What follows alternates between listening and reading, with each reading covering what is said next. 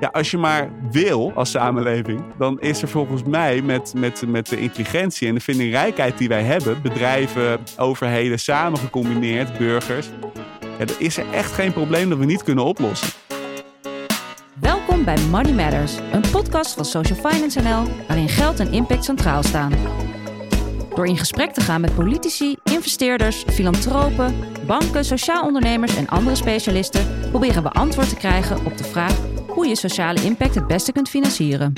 Hi en leuk dat je luistert naar Money Matters. Ik ben Ruben Koekoek, Social Finance NL en vandaag als co-host... Sandra Bali, social entrepreneur van C-Talent, C-Taste en de Sign Language Coffee Bar.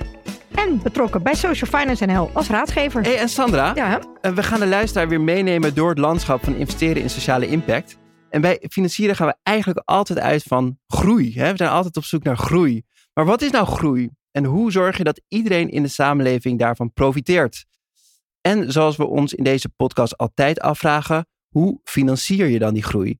Daar gaan we het vandaag over hebben. En dat doen we met een hele eh, bijzondere eh, gast. Sandra, wil jij onze gast aan ons voorstellen? ja, vandaag bij ons te gast iemand die gewend is aan de andere kant van deze tafel te zitten. Want hij is namelijk journalist en schreef voor onder meer de Volkskrant en de Correspondent. Inmiddels is hij ook ondernemer en schrijver van verschillende boeken. Zijn meest recente, Fantoomgroei, is misschien wel de meest bekende. Er werd zelfs een tv-programma over gemaakt, Scheefgroei in de polder. Zijn debuut als tv-presentator. En ooit wilde hij militair worden en was hij Nederlands kampioen roeien. Mag ik u voorstellen, Sander Heijnen. Welkom. Dankjewel, dankjewel. Voorgesteld worden als Nederlands kampioen roeien, dat gebeurt je niet vaak, hè? Nee, het is een beetje ongemakkelijk ook. Ja, nee, dat is eh, een jeugdzonde. Ja, nee, eh, bij de junioren ben ik ooit in een acht eh, roeide ik en zijn wij, ja, waren wij de snelste acht van Nederland. Dus ja, dan ben je formeel Nederlands kampioen, maar hij is vorige eeuw, dus laten we daar niet te lang bij stilstaan. 1999. Nou, maar niet, geen zonde, toch? Dat is een prachtige prestatie. Nee, het was te gek. Het was heel Ja, leuk. Ja, ja. nee, het is grappig. Ik heb er echt lang niet over nagedacht ook. Dit is, ja, het is grappig dat je dat gevonden hebt. Ja. Misschien gaat het nu wel rollen, word jij elke keer zo voorgesteld. Ik hoop het niet, want eh, volgens mij hebben we belangrijkere dingen te bespreken dan mijn eh, kortstondige roeicarrière. nou, we gaan het, eh, we gaan het zien. Misschien neemt deze podcast wel een hele, hele andere wending. Straks zullen we je drie stellingen voorleggen. Maar eerst onze korte, vaste rubriek, de uitglijder. In deze podcast staat geld en investeren centraal. Ook privé doen we op dagelijkse basis tal van investeringen. De ene beter dan de ander. Daarom beginnen we altijd met de vraag: wat is de meest onzinnige uitgave die je hebt gedaan? Ik heb ooit een, eh, een bootje gekocht met een gat erin. Aan de onderkant. Dat was wel echt behoorlijk onzinnig. Daar heb ik weinig plezier van gehad. Kwam je daar eh, op zee achter of, of voordat je uitvaarde? Nou, op de gracht kwam ik daarachter. Ja, Ja, ja. ja. Nee, dus dat, eh, ja, dat heel dom. Eén ruim liep eh, gewoon vol met water. En toen kwam uit het water takelde, bleek er een scheur in te zitten. Ja, Dus die verkoper had hem keurig even leeg gepompt voor ik hem overnam. En ik dacht, oh leuk. Het is best wel een betaalbaar sloepje. Snap ik. Maar achteraf, achteraf was het toch wel goedkoop is duurkoop. Ja. Snap ik. Is één ding leuker dan een boot hebben, hè? Vrienden met een boot. Ja, klopt. Nee, eh, ik, ik, ken de, ik ken de ervaring. De- Die van mij was... ehm, ehm, dus ik had ook een boot. En op een gegeven moment, het was winter en ik heb hem helemaal, ik, helemaal uit mijn gedachten. En op een gegeven moment kreeg ik een brief van de gemeente van je, je boot is weggesleept. Voor 900 euro krijg je hem terug. En anders, eh, anders blijft hij gewoon bij ons. En dan, eh, dus toen heb ik hem maar, maar gelaten. Ja, dat Ja. was een goede manier om hem af te Dat voeren. is helemaal, voor ja, ja. Nou, maar het, wel, ja, het is wel heel gaaf. Maar, nou, maar en, en, en Sandra, heb jij nog iets met ons te delen? Nou ja, ik- wij, wij delen wat vaker uitglijders. Dus eh, de grootste hebben we wel gedeeld. Maar ik denk van de laatste periode heb ik denk ik eh, twee eh, zelfs eh uitglijders. Eén is de aanschaf van een waterpik. En voordat je denkt, wat, waterpik. ja, wat is dit nou weer? Ik moest er zo hard om lachen. Alleen al die naam. Het komt uit Denemarken. Dus het is, en het is niet een waterpik zoals je denkt dat het is. Het is een eh, waterflosser. Dus, die, eh, dus waarmee je dus met een stevige straal water je tanden kan vossen. Maar dat klinkt dan, oh ja, dat is goed en dan is het beter voor je gebit. Maar ja, dat is natuurlijk weer zo'n heel apparaat, moet je opladen ding. Dat neemt de helft van je badkamer in beslag en uiteindelijk dan... eh, Mijn waterpik, Eh. nog nooit van gehoord. Ja, ik had eh, ik, eh, een beetje saai, maar ik heb dus, ehm, wat ik mee wilde brengen is het boek. En het is een prachtig boek wat ik heb gekocht van Toomgroei. Maar ik, ik ging dus naar de, de, de, de boekhandel bij ons in de buurt en die had hem niet. Nou, ik eindigde Slechte op een trampoline boekhandel. Waar was daarnaast. Ja, nee, die heeft, nou, nou ja, nee, het is echt Nee, een leuke maar boekhandel. Maar je moet, altijd, Grapje, je moet hem altijd even bellen en dan bestelt hij. En Ja. dan, want je krijgt wel altijd een heel verhaal bij. Dus als hij hem heeft, het is een geweldige Krijg je een boekhandel. personal review erbij. Kijk, Ja. Maar ja, dus toen ging ik hem bestellen via onze, onze blauwe vrienden van bol.com. Eh, en ik voelde me al, dat probeer ik gewoon te vermijden. Maar toen las ik het boek en dan komt bol.com er ook expliciet in voor in Waalwijk. Dat er zo'n box is dat iemand 35.000 meter per dag moet lopen. En dan de chauffeurs die uitgebuit worden. Dus ik, ik, ik las dat boek en het bloed, zweet en de tranen, die, die dropen eruit. En ik voelde me enorm schuldig. Dus dat is mijn, eh, mijn uitgeleider die ik Zou je nog iets grappigers vertellen? Bol.com had op een gegeven moment het e-book. Hadden ze in een soort van eh, supercampagne gestort. Eh, dus was er een week lang kon je het e-book kon je toen voor 4 euro krijgen of zo.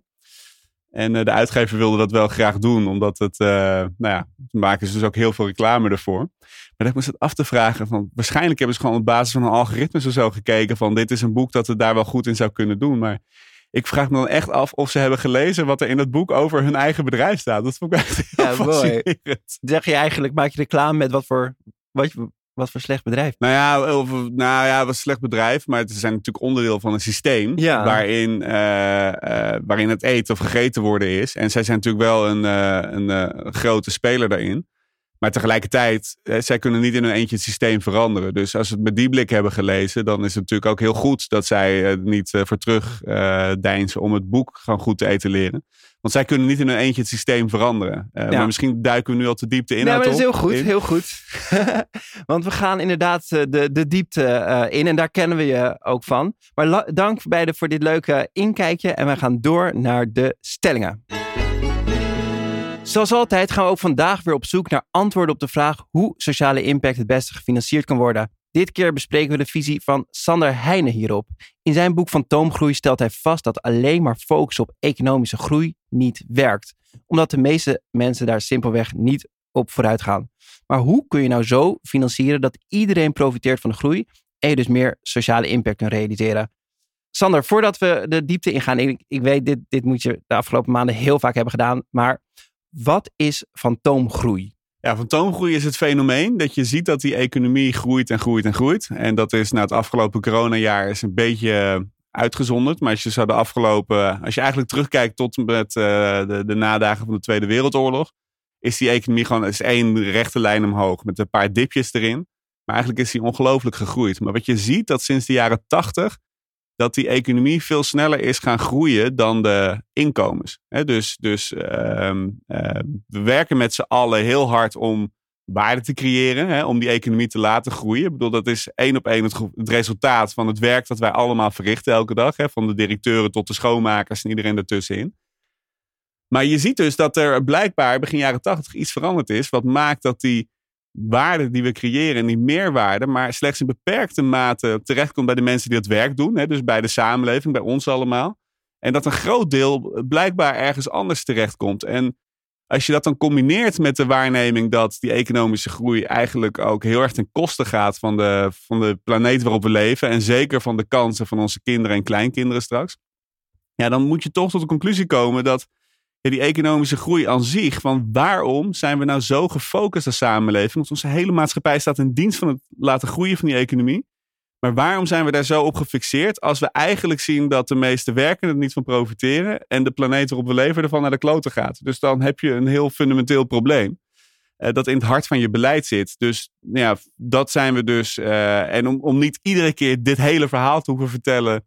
Eh, eh, op het moment dat je het hebt over het fenomeen, dachten we hebben een begrip nodig om dat te duiden. En ja, op een gegeven moment eh, popte bij ons de term fantoomgroei op. Hè? Want het is een soort spookgroei. Hij is niet tastbaar, maar tegelijkertijd is hij alles bepalend. Dus we wilden eigenlijk een frame zetten tegenover het idee dat de economie altijd maar moet groeien.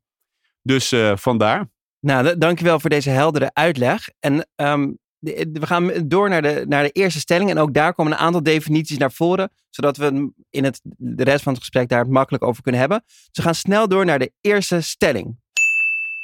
Economische groei is een voorwaarde voor een duurzame, inclusieve samenleving. Eh, moet ik eens of oneens zeggen? Het liefst wel. Ja, nee, oneens. Hoe bepaal jij de definitie van economische groei? Nou ja, kijk, op dit moment, dus dat, dat wordt ook wordt niet een heel kort antwoord, maar uh, op dit moment als we praten over de economie, hebben we het eigenlijk altijd over het BBP. Dat is wat we bedoelen als we praten over de economie. Die economische groei is dus de groei van het BBP, het bruto binnenlands product. Zeg maar de optelsom van de financiële waarde van alle producten die we maken en de diensten die we aan elkaar leveren. Uh, maar we leveren ook diensten aan elkaar die geen financiële waarde hebben in het systeem. Zoals mantelzorg of uh, mensen die als vrijwilliger in asiel werken of de voetbalclub kinderen trainen. Dus wat wij, wat wij, waar we het eigenlijk altijd over hebben, is, is die, die producten en die diensten waar je een prijs aan kan verbinden. Dat noemen we doorgaans economische groei. Maar economie is in essentie niet hetzelfde als dat BBP. Dat BBP is slechts een indicator. Je kan duizenden dingen meten in je economie. En we zijn op de een of andere manier in ons taalgebruik en daarmee ook in ons beleid, zijn we het begrip economie gelijk gaan stellen aan die groei van die uh, producten die je in financiële termen kan meten. En daardoor is daar de focus op gekomen. Dus uh, als we even teruggaan naar de vraag die ik nu kwijt ben in mijn. Uh... Economische groei is uh, een voorwaarde voor een duurzame, inclusieve samenleving. Precies. Dus wat wij in het boek eigenlijk zeggen: je moet loskomen van, van het economie te definiëren als het BBP. Maar je zou economie moeten definiëren als het vermogen van een groep mensen om samen problemen te lossen. Want economie ook van oorsprong, Adam Smith, de grondleggers van de moderne economie. Ja, dat was een moraalfilosoof en het BBP bestond in die tijd helemaal niet. En die zat, die zat ook echt te kijken van wat zijn nou de goede manieren om de problemen die ze op dat moment hadden op te lossen. En, en we zouden met die blik weer naar de economie moeten durven kijken. En dan zie je gewoon, we hebben twee hele grote problemen. Het ene is sociale ongelijkheid. Van de woningmarkt tot uh, minimumlonen die enorm achterblijven tot naar enzovoort. Aan de andere kant hebben we dat klimaatprobleem. En, en dat zijn de twee problemen waar we op moeten focussen. En, en als je naar die problemen kijkt en dan, en dan daar het BBP probeert naast te leggen als maatstaf der dingen, ja, dan zie je dat het op geen enkele manier ook maar het begin van de oplossing biedt om, ehm, om die problemen te adresseren en op te lossen. Dus als je dat realiseert, ja, dan, dan ben je eigenlijk heel erg naïef of dogmatisch of iets anders als je zo wilt vasthouden aan aan de huidige definitie van dat begrip economie als. Uh... Ja, ja, dus je zegt eigenlijk, bent oneens als je, als je de stelling ziet als de oude, het oude idee van de economie, namelijk het produceren van zoveel mogelijk goederen en diensten, ja. economische groei. Maar als je het in een andere definitie, dus hoe kan je samen problemen oplossen, dan, dan zeg maar vooruit. Of, ja. Als ik een concreter voor je wil maken, uh, Shell is een van de pijlers geweest al 100, 120, 130 jaar ja. uh, onder de groei van de economie van Nederland. Ja. Maar ze zijn op geen enkele manier onderdeel van de oplossing van het klimaatprobleem. Sterker nog, ze zijn heel erg contraproductief hierin. Snap je? Dus, dus je kan dan zeggen, ja, als de economie moet groeien, nou ja, dan moeten we Shell een gang laten gaan. Want dan kunnen we het klimaatprobleem oplossen. Ja, volgens mij, volgens mij uh, is er niemand, zelfs de rechter niet, die daar nog in gelooft hè, in Nederland. Dus, dus, um... Maar je noemde ook uh, als voorbeeld uh, in Nieuw-Zeeland, hè, dat ze daar volgens mij zijn ook begonnen hè, met een andere definiëring van, van de economie. Um, wat denk je wat hun die stap al heeft laten maken? Nou ja, wat, in Nieuw-Zeeland heb je, heb je gewoon ook een aantal hele specifieke problemen. Hè. Je hebt daar qua sociale ongelijkheid heb je enorme problemen. Omdat je hebt die, Maori's, hè, die, die traditioneel erg achtergesteld zijn geweest hè, sinds de kolonisatie van, uh, van uh, Nieuw-Zeeland. En nou ja, je hebt daar ook dezelfde milieu- en klimaatproblemen, de natuur, belasting van de natuur, daardoor industrie, et cetera. En zij zijn overgegaan van laten we nou het succes van ons beleid niet langer meten aan de hand van het BBP, hè, wat we dus in de rest van de wereld overal doen. Maar laten we een brede welvaartsindicator ontwikkelen, waarin we daadwerkelijk proberen te kwantificeren of de, de, de doelen die we hebben met ons beleid, of die succesvol zijn. Dus wordt de luchtkwaliteit beter? Wordt het onderwijs beter? Is de zorg op orde? Is de sociale ongelijkheid wordt die kleiner? Het zijn allemaal indicatoren die je gewoon kan meten. En ook in Nederland worden die gewoon gemeten. En ook in Nederland wordt gewoon een sociale, of een sociale, een brede welvaartsindicator bijgehouden door het uh, Centraal Bureau voor de Statistiek. Er wordt er eentje gemaakt door de Rabobank, uh, samen met de Universiteit Utrecht. Dus die indicatoren die hebben we ook gewoon. Alleen we kijken er veel te weinig naar als het gaat om het maken van beleid. En zolang we dat niet doen, ja, dan blijf je dus dingen doen als uh, uh, zonder überhaupt daar een discussie over te voeren, de KLM in de lucht houden op het moment dat zij uh, eigenlijk failliet dreigen te gaan. En is dat een bedrijf. Hè, en, en natuurlijk zijn ze in de problemen gekomen door de klimaatcrisis. Maar onderliggend is, dat bedrijf eigenlijk al, is dat bedrijf eigenlijk al twintig jaar niet in staat om zichzelf te bedruipen. En hebben ze uh, Fransen nodig gehad. En... Ja, precies. En, maar ik denk, um, als ik ze hoor, dus, dus volgens waar de stelling ook over gaat, is dat vooruitgang, bijvoorbeeld technologische vooruitgang, dat is ook onderdeel van de economische groei. dat dat misschien wel noodzakelijk is om bepaalde problemen op te lossen. Ja, technologische vooruitgang is absoluut nodig om problemen op te lossen. Maar wat je ziet is, sinds we in begin jaren tachtig, toen zijn we, um, zijn we echt heel anders naar de economie gaan kijken. Dus, dus de, nou, de term die ik liever niet gebruik, maar het de neoliberalisme ja, is. Hij komt er één keer voor. In ja, ik, ik, precies. Ik heb hem één keer genoemd om, om, om even te adresseren van nou, veel mensen, hè, als ze het hierover hebben, noemen ze neoliberalisme. Maar ik vind, ik vind het een beetje een ingewikkeld containerbegrip. Um, maar eigenlijk op dat moment zijn we gaan, is een beetje, heeft het idee postgevat het van trickle-down economics. Als je maar zorgt dat grote bedrijven zo snel mogelijk, zoveel mogelijk winst kunnen maken, dan zijpelt die waarde vanzelf door naar alle geledingen van de samenleving. Een bedrijf dat veel winst heeft, kan ook meer investeren in technologie en uh, nou ja, kan uh, mensen beter betalen nou, enzovoort. Lange, het is een politiek concept, geen economisch concept overigens, dat trickle-down economics. Het werkt ook niet. En dat kunnen we, zijn er nu 40 jaar mee bezig. Het heeft echt niks opgeleverd uh, van wat er van beloofd was. Hè? Maar wat, wat het wel heeft opgeleverd is, en dat inderdaad de grote bedrijven veel meer geld hebben. Maar tegelijkertijd, als je het dan hebt over de technologische innovaties die we nodig hebben om problemen op te lossen. Ja, neem Boeing als voorbeeld. Uh, vliegtuigbouwer. Die hebben tientallen miljarden de afgelopen decennia uitgegeven aan het inkopen van hun eigen aandelen. Nou, wat je dan doet als je, dat, als je je eigen aandelen inkoopt, de zogeheten buyback, is dat je het geld wat, je, wat, wat is gecreëerd door al die werknemers die samen vliegtuigen bouwen en verkopen. Nou, daar wordt dan winst op gemaakt. En dat geld geef je eigenlijk eenzijdig aan je aandeelhouders om hen extra rijk te maken. Wat je zou willen is dat geld zou zijn gebruikt om gewoon eindeloos onderzoek mogelijk te maken naar hoe krijgen we vliegtuigen schoon of duurzaam. Shell is ook zo'n voorbeeld. Die hebben in 2012 voor 25 miljard aan eigen aandelen ingekocht. Want ze wisten niet wat ze met dat geld moesten, uh, was het verhaal. Ja, misschien hadden ze dat wel kunnen investeren in uh, duurzame energiebronnen en voorzieningen. Weet je wel? Dus, dus wat je eigenlijk ziet is op het moment dat jij uh, bedrijven niet reguleert. En die buybacks die waren tot begin jaren 80 in de Verenigde Staten bijvoorbeeld gewoon verboden. Juist omdat het werd gezien als het onttrekken van geld aan de gemeenschap. als je dat soort dingen uh, ziet dat dat is wat er massaal gebeurt hè, binnen het bedrijfsleven. Zeker binnen het beursgenoteerde bedrijfsleven. Ja, dan, dan zie je dus eigenlijk dat dat verlangen naar groei en naar winst, dat het helemaal niet leidt tot meer innovatie. Sterker nog, de tijd dat de overheid zich veel nadrukkelijker bemoeide met, uh, uh, met ja, grotere missies voor de samenleving. En een beroemd voorbeeld is natuurlijk de Amerikanen die een man op de maan gingen zetten.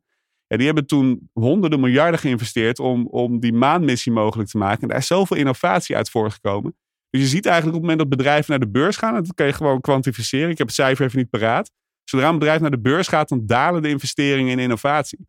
Dus, dus het hele idee dat je dit groeimodel nodig hebt om innovatie mogelijk te maken, ja, dat is gewoon echt een idee fix. Dat is helemaal in, niet waar. In, in uh, social enterprise uh, land hoor je ook veel over uh, stewardship. Hè? Dus dat ook. Ja. Dus, steward ownership. Steward ja. ownership. Dat ook gedeelte van aandelen of het eigendom van bedrijven dus ook gaat naar de mensen die er daadwerkelijk ook in werken. zie je dat als een grote stap om dat te realiseren? Of is eigenlijk totaal iets anders nodig in jouw nou, ik, ik, om een ik goede stap te zetten. Dat als je, als je als bedrijven eigendom zouden zijn van de mensen die er werken, dan zou je bijvoorbeeld die enorme verschillen tussen beloning aan de bovenkant en de onderkant van het bedrijf, zou je waarschijnlijk niet hebben. Ik bedoel, wie, wie vindt het een goed idee dat zijn baas 300 keer uh, zijn jaarsalaris verdient? Weet je? Dat, dus, dus, dus, dat soort sociale kwesties zou je minder krijgen. Ik denk ook, als je bijvoorbeeld kijkt naar de hoogovens, uh, Tata Steel, uh, IJmuiden dat is een heel interessant voorbeeld. Daar uh, zijn de werknemers en de vakbonden zijn bezig met een, uh, met een plan om die fabriek helemaal te verduurzamen. Maar de eigenaren, de aandeelhouders, die willen er niet aan. Want die willen gewoon op de korte termijn, uh, zoals ze al decennia doen, gewoon geld uit het bedrijf blijven trekken. Zoveel mogelijk geld. Terwijl die hele omgeving, waar die werknemers wonen, dus die hebben er zelf ook last van. Daar, daar is een veel hoger uh, percentage mensen met longaandoeningen. Uh, die hebt uh, die sulfietregens, omdat die vieze staalfabrieken zeg maar, dat allemaal uitstoten.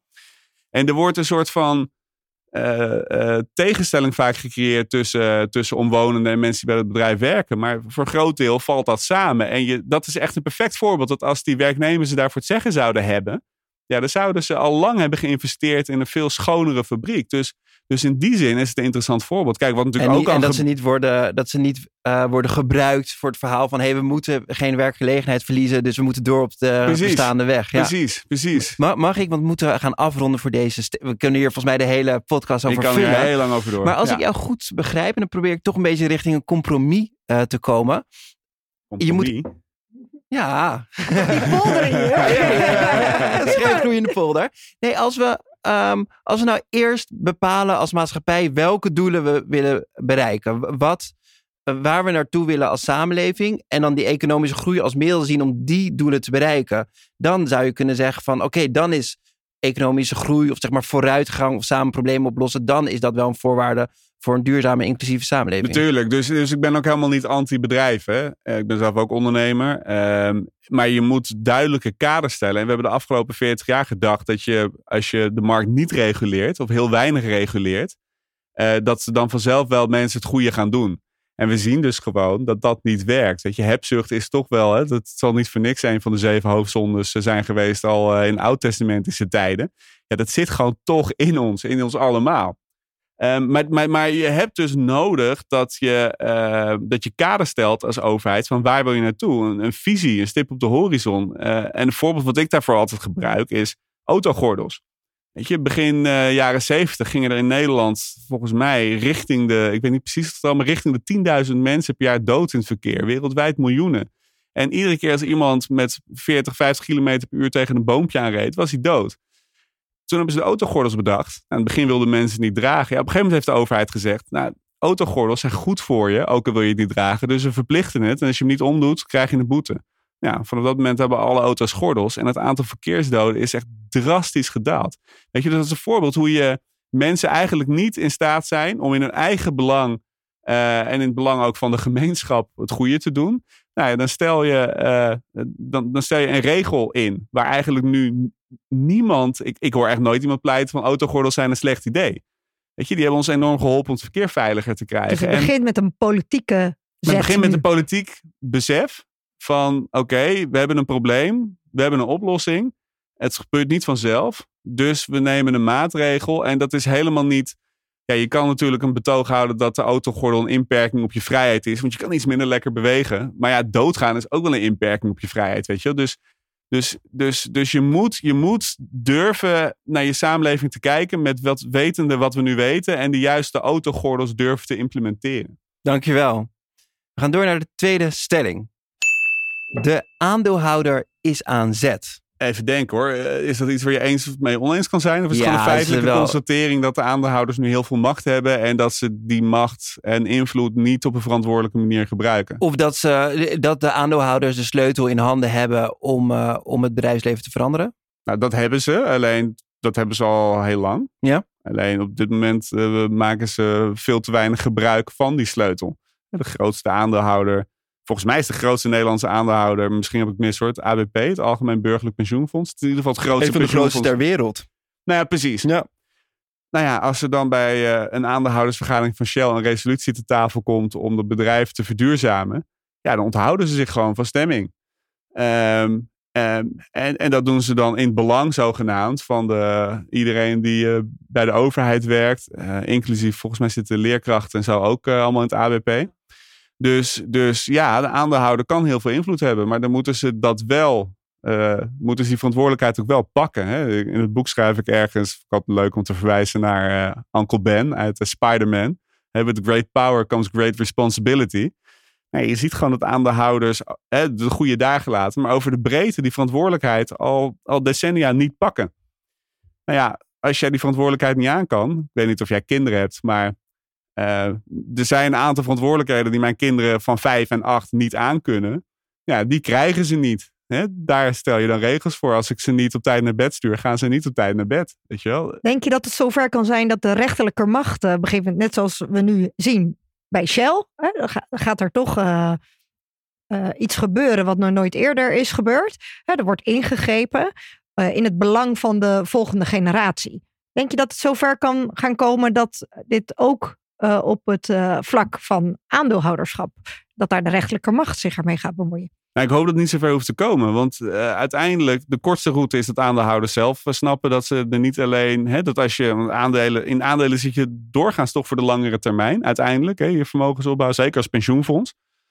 Dus, dus je zou eigenlijk hopen dat ze zelf snappen dat het ook in het belang van hun deelnemers is, nu en straks dat die uh, wereld een beetje leefbaar wordt doorgegeven. Want wat, is, wat, is, wat zijn aandelen in Shell en in Pernis nog waard als die zeespiegel uh, zo hoog komt dat we de hele Randstad moeten ontruimen? Weet je wel? Dus, dus uiteindelijk eh, gaat het ook om dat je begrijpt wat de lange termijn belangen zijn.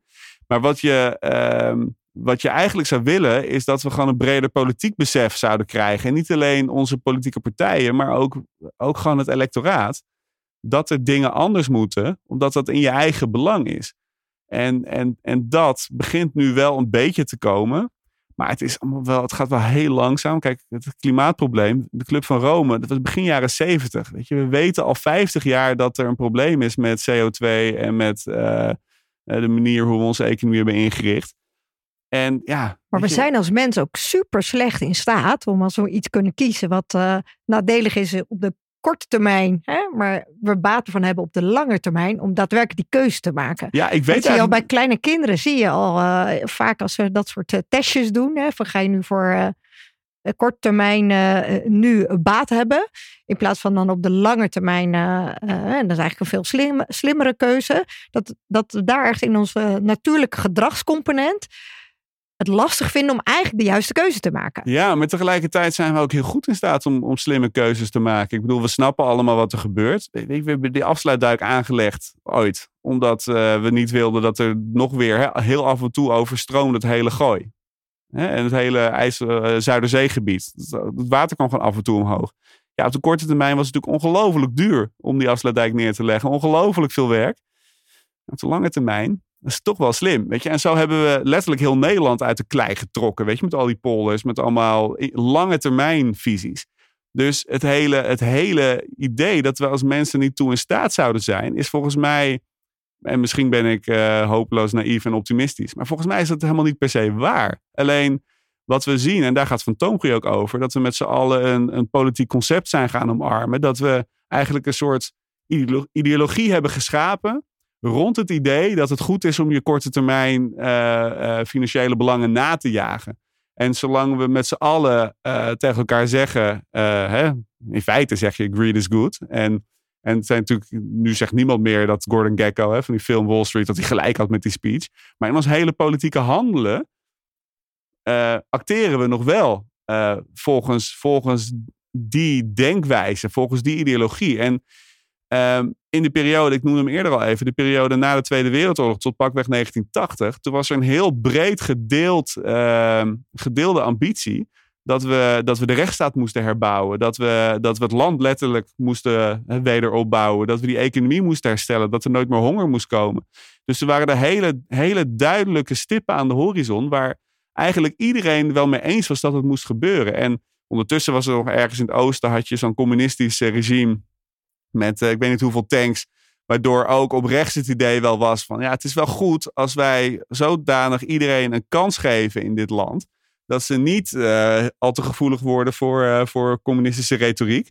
Weet je, dus er was om allerlei redenen een heel breed gedragen besef dat we als samenleving samen de grote problemen waar we stonden, korte en lange termijn, moesten oplossen. En, en ja, dat, dat idee is op een gegeven moment vervangen door inderdaad een ideaal van korte termijn prikkels bevredigen. En we zien nu alle tekortkomingen daarvan.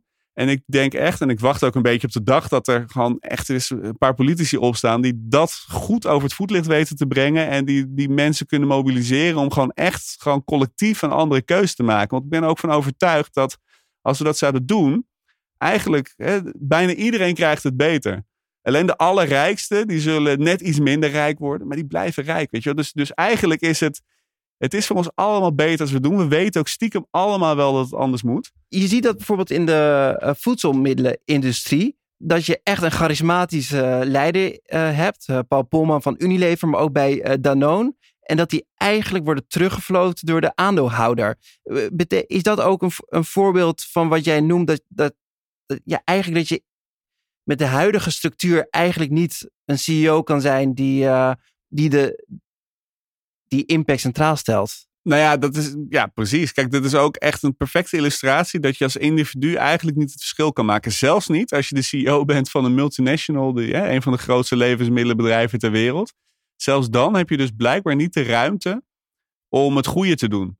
Uh, om je bedrijf echt structureel te verduurzamen. Simpelweg omdat er dan een aandeelhouder achter zit. Vaak ook onze eigen pensioenfondsen. We noemden het ABP al even.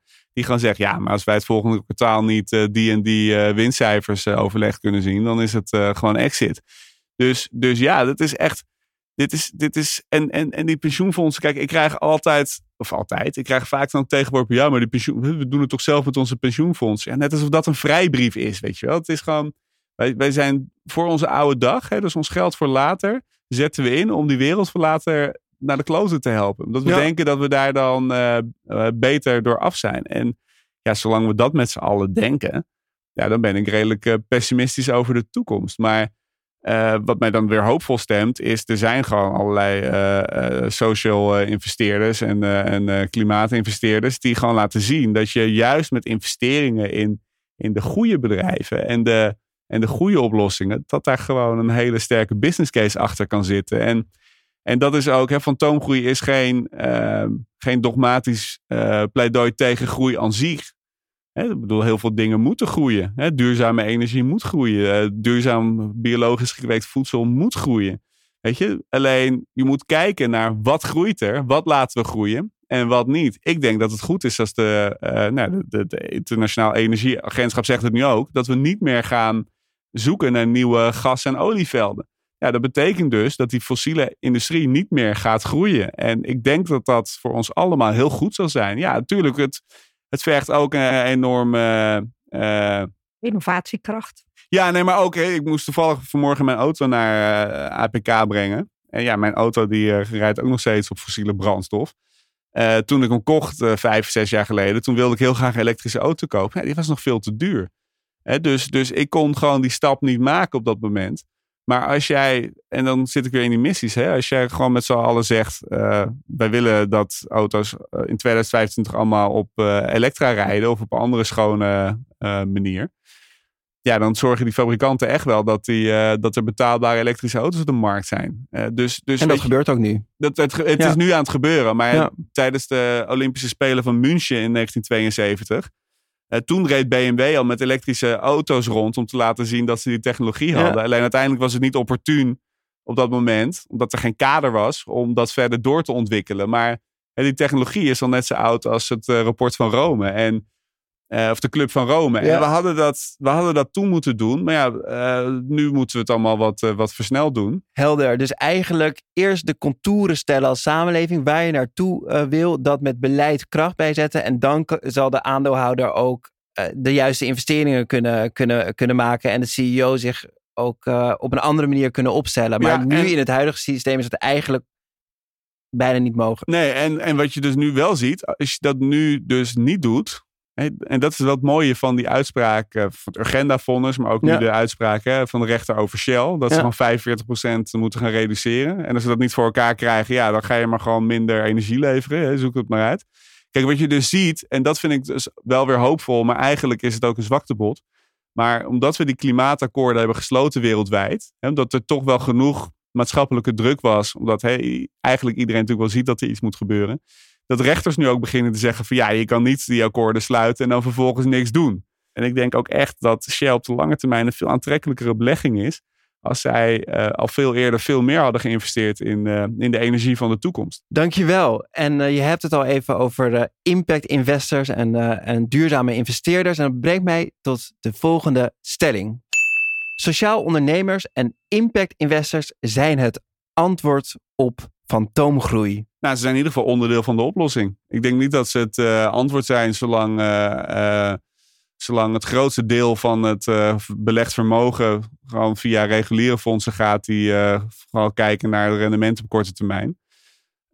maar ze zijn onderdeel van de oplossing en, en we moeten het allemaal met elkaar doen. Dus ik ben heel erg blij dat dat gebeurt. En ik beleg mijn, mijn fantoomgroeicentjes voor mijn oude dag ook bij bij sociale en duurzame vermogensbeheerders en niet bij, uh, bij de klassieke ABP-achtige strategieën, zeg maar.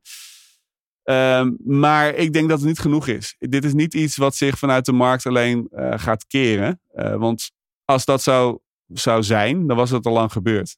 dus, dus het is heel fijn dat ze er zijn. Alleen ik denk dat het goed, beter zou zijn als we gewoon politiek durven te kijken van nou, hoe, hoe doen de goede impactfondsen het.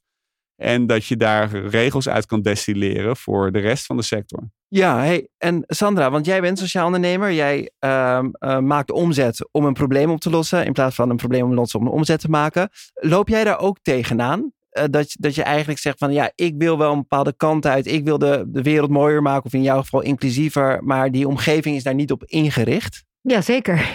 ik denk dat je dat elke dag tegenkomt.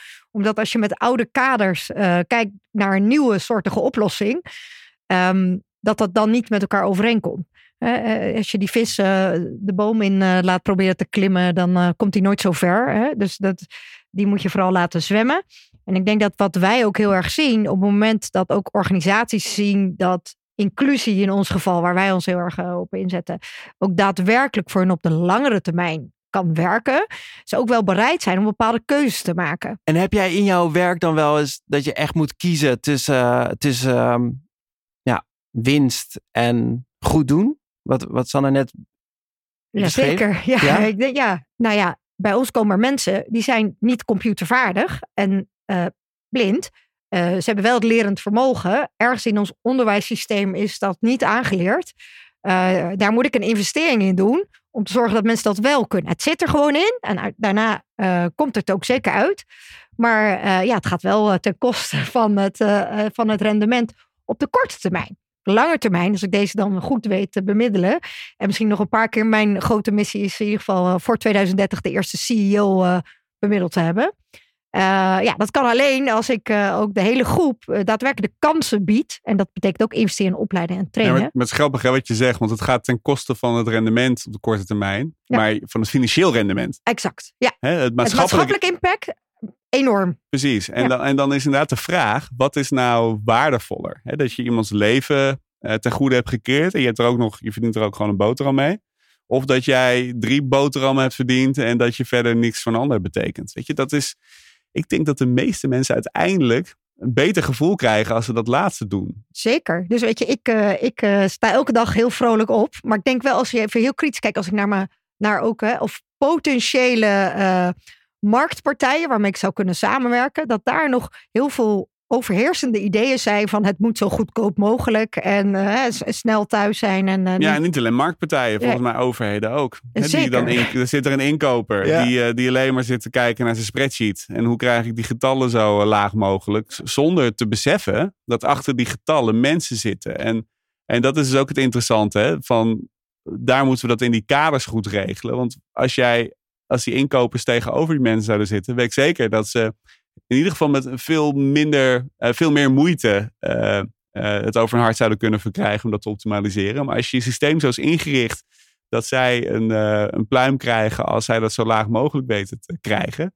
Hè, wat uiteindelijk dus enorme impact zelfs heeft. Op... onder het minimumloon die we met elkaar hebben afgesproken. Precies. En, en, want jij, jij gebruikt als voertuig het sociaal onderneming, maar jij beschrijft in je boek, boek Sander, ik, ik ben, ben aan het wijzen wat heel slecht is voor een podcast, maar Sander, jij heeft het ook over de coöperatie.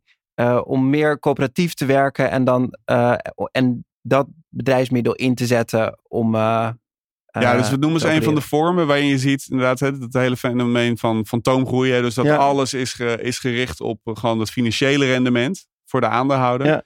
Je ziet in coöperaties dat dat gewoon minder is. Uh, in coöperaties wordt gewoon, de lonen zijn vaak wat hoger. De verdeling tussen de best betaalde en de minst betaalde uh, werknemer is, die is een stuk kleiner, zeg maar, dat verschil. je ziet ook dat er veel meer ruimte is voor maatschappelijke en sociale programma's. En, en tot in, ik weet niet precies wanneer, wanneer dat was, maar tot ergens in de jaren 60, 70 was het ook gewoon heel gebruikelijk dat grote bedrijven uh, de, de belangen van aandeelhouders, maar ook werknemers, uh, klanten, uh, omwonenden, et cetera, dat die dat allemaal. Alle stakeholders meenemen. Precies, ja. en dat die dat gewoon evenwichtig tegen elkaar afwogen. En, en uiteindelijk eh, denk ik dat, dat coöperaties uh, veel beter in staat zijn, intrinsiek, om, om een goede afweging te maken van alle belangen van stakeholders. Omdat je een beetje jeuk wordt. Gewoon simpelweg omdat er niet één iemand de baas is en die macht kan gebruiken om zoveel mogelijk geld in zijn eigen zak te steken. Ik denk dat dat dat het namelijk maakt, hè, als, je, als je die verleidingen uh, institutionaliseert, ja, dan is het heel moeilijk voor jou als jij die aandeelhouder bent, om zeg maar niet zoveel mogelijk geld naar je toe te trekken. Ik denk dat we dat allemaal bij onszelf ook wel een beetje herkennen. Terwijl als je zo organiseert dat je dat niet per se kan doen, ja, dan kan je ook gewoon veel makkelijker het goede doen. En dat voelt eigenlijk ook beter. We hebben nu uh, coronacrisis gehad. Uh, ik hoor meerdere mensen over, nou, dit is het moment, hè, onze wederopbouw. Hè, na een grote crisis, uh, andere keuzes te maken waar we ons geld wel in stoppen. Waar we politiek gezien keuzes in moeten maken. Nou, ze zijn nu ook bezig met een nieuw kabinet en een nieuwe nou ja, allerlei partijen die, die een nieuwe visie aan het ontwikkelen, volgens mij ook hierop op zijn. Wat denk jij wat nou echt heel belangrijk is om daarin in mee te nemen? Want er zijn zoveel onderwerpen. Als je begint bij de basis. Hè, we, we, we kunnen nu misschien wel wederopbouwen in ook organisaties en bedrijven. Wat uiteindelijk die visie en die missie zou, daarin zou moeten zijn. Ja, ik denk dat de basis is dat we allemaal proberen te onthouden hoe we ons voelden vorig jaar in maart. Toen die lockdown werd afgekondigd. Uh, en en toen, was, toen waren we echt wel een beetje shock met z'n allen. En toen, toen, toen had je wat jij beschrijft, hè, dat idee van dit is het moment om het echt fundamenteel anders te gaan doen. Dat was toen echt heel erg dominant. Hè? De kranten stonden helemaal vol met opiniestukken erover en de talkshowtafels. Weet je, dat was echt ja. het grote ding. Um, we hebben toen ook als wereldgemeenschap hebben we die stip op de horizon gezet. We moeten zo snel mogelijk een vaccin ontwikkelen. Laten we al onze krachten, publieke gelden, private gelden, uh, alle slimme koppen, laten we alles richten op het, op het ontwikkelen van zo'n vaccin. En dan zie je dat we in staat zijn om binnen een jaar een vaccin te ontwikkelen, terwijl dat nog nooit eerder gepresteerd is. En dat is de kracht van een missie hebben als, als gemeenschap. Het kan, het kan gewoon. Ja. En, en, en we kosten nog moeite gespaard om dat te realiseren. En dan dat lukt was ook dat. omdat de nood, hè, korte termijn, heel hoog was.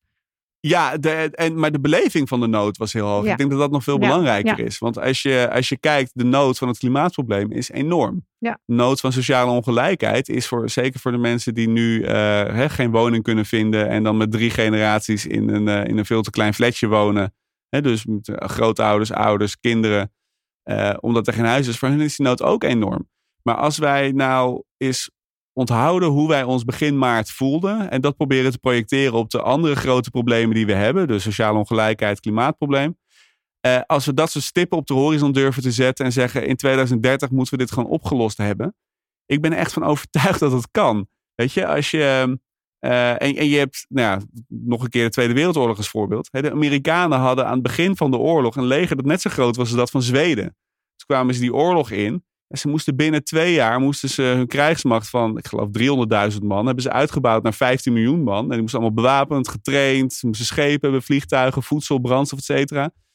Ja, als je maar wil als samenleving, dan is er volgens mij met, met, met de intelligentie en de vindingrijkheid die wij hebben, bedrijven, overheden samen gecombineerd, burgers, ja, er is er echt geen probleem dat we niet kunnen oplossen. Als je het Maar- echt wil, kan het. Ja, maar we moeten dat wel durven. En, en zolang je een premier hebt die zegt van ik geloof niet in visies, hè, die een beetje zo op de boel wilt letten en zo, ja, dan, dan, dan word ik er niet zo heel erg optimistisch van. Als je denkt, als je, maar als je, als, je, als je leiderschap durft te tonen en als je denkt, hè, de, en daarom ben ik ook op zoek naar de politiek leider die dat, die dat durft te doen en dat durft uit te spreken en dat ook met een zeker charisma kan doen, hè, die, die, die wel eh, die stip op de horizon durft te zetten. Ja, ik denk dat wij in 2030 klimaatneutraal kunnen zijn als we maar zouden willen. Nou, een mooie afsluiting. In deze aflevering hebben we het gehad over hoe we economische groei in onze samenleving kunnen financieren op een manier dat iedereen ervan profi- eh, profiteert. Sandra, wat is het belangrijkste wat jij hebt meegenomen uit, eh, uit deze aflevering?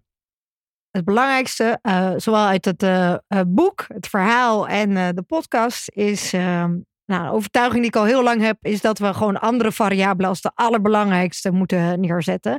En welzijn en welvaart, dat meet je niet met één getalletje, maar met een veelvoud daaraan.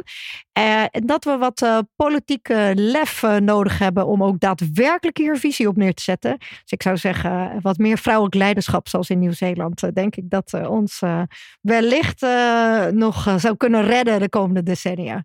Maar, maar mannen, jullie mogen ons ook redden. Zeker, ja. Jullie zeker. mogen ook ja, het goede mag doen. Ook, mag zeker ook. Mag ik als man zeggen wat ik hieruit heb meegenomen van de aflevering? Ja, zeker. eh, ja, nee, ik, uh, uh, ik, ik denk dat het ook heel belangrijk is om te kijken naar de why, de waarom. Uh, dus eigenlijk, ehm, waarom doen we iets? Een bedrijf, maar ook een overheid of een ondernemer of die inkoper bij de publieke dienst. En ik denk dat we heel snel naar het middel gaan en middel leidend maken. En economie is denk ik ook een middel om die doelen te bereiken. En dat we daar te veel op focussen, zodat we het groot, de bigger picture, het waarom, uh, uh, uit, beeld, uh, uit beeld raakt. En, en volgens mij is dat ook, nou ja, het boek en de podcast en de afleveringen, die laten denk ik heel duidelijk zien van, hey, economie is geen technische, het is geen natuurkunde. Um, maar het is, een, uh, het is een ideeënstrijd, het is politiek. En dan heb je middelen om dat te bereiken wat je met elkaar afspreekt. Maar het is niet uh, andersom. Zeker, nee, daar kan ik me alleen maar bij aansluiten. Dat vind ik nog wel leuk om inderdaad even te benadrukken. Dus economie is inderdaad, die hele technocratische benadering daarvan, die moeten we echt loslaten. Want economie gaat eigenlijk altijd over wie krijgt wat en waarom. En, en wat doen we met de middelen die we hebben. En dat is per definitie politiek. En omdat het politiek is en we in een democratie leven, mag iedereen zich daarmee bemoeien. En iedereen die denkt dat het anders kan en moet, uh, ga daarvoor. Zet je ervoor in, hoe klein of hoe groot de impact ook is. Hè. Als je CEO bent van een groot bedrijf of bestuurder van een pensioenfonds, kun je een hele grote impact maken. Maar iedereen kan op zijn of haar manier impact maken in zijn dagelijks leven. Uh, in hoe hij zijn geld belegt, in, in, in de gesprekken die hij voert. Dus doe dat vooral. Dankjewel. En volgens mij, als je het boek uh, leest, je geeft aan van, hè, ik wil ook echt de wereld ermee veranderen. En volgens mij, als je die laatste aflevering kijkt naar, uh, naar scheefgroei in de polder, dan zie je in ieder geval heel veel belangrijke stakeholders die het echt ja, gezamenlijk dat verschil willen maken. Dus laten we hopen dat, uh, nou, dat dit ook, hè, zoals in maart, dat, hoe we dachten voordat de coronacrisis begon, dat we nu ook denken van, hé, hey, we moeten echt op naar een economie die, die voor iedereen werkt. Dankjewel voor je uh, inzichten, uh, Sander. Ook dank aan mijn co-host Sandra en natuurlijk ABN AMRO en het Oranje Fonds voor het mede mogelijk maken van de podcast. Productie Daniel van der Poppen, redactie Daphne Sprecher en Nina Berkelo. Wil je niks missen van deze reeks? Abonneer je dan op de podcast via jouw favoriete podcastkanaal. En vergeet ook niet een recensie te achter te laten in de iTunes podcast app. Of neem een kijkje op onze website www.sokvin.nl.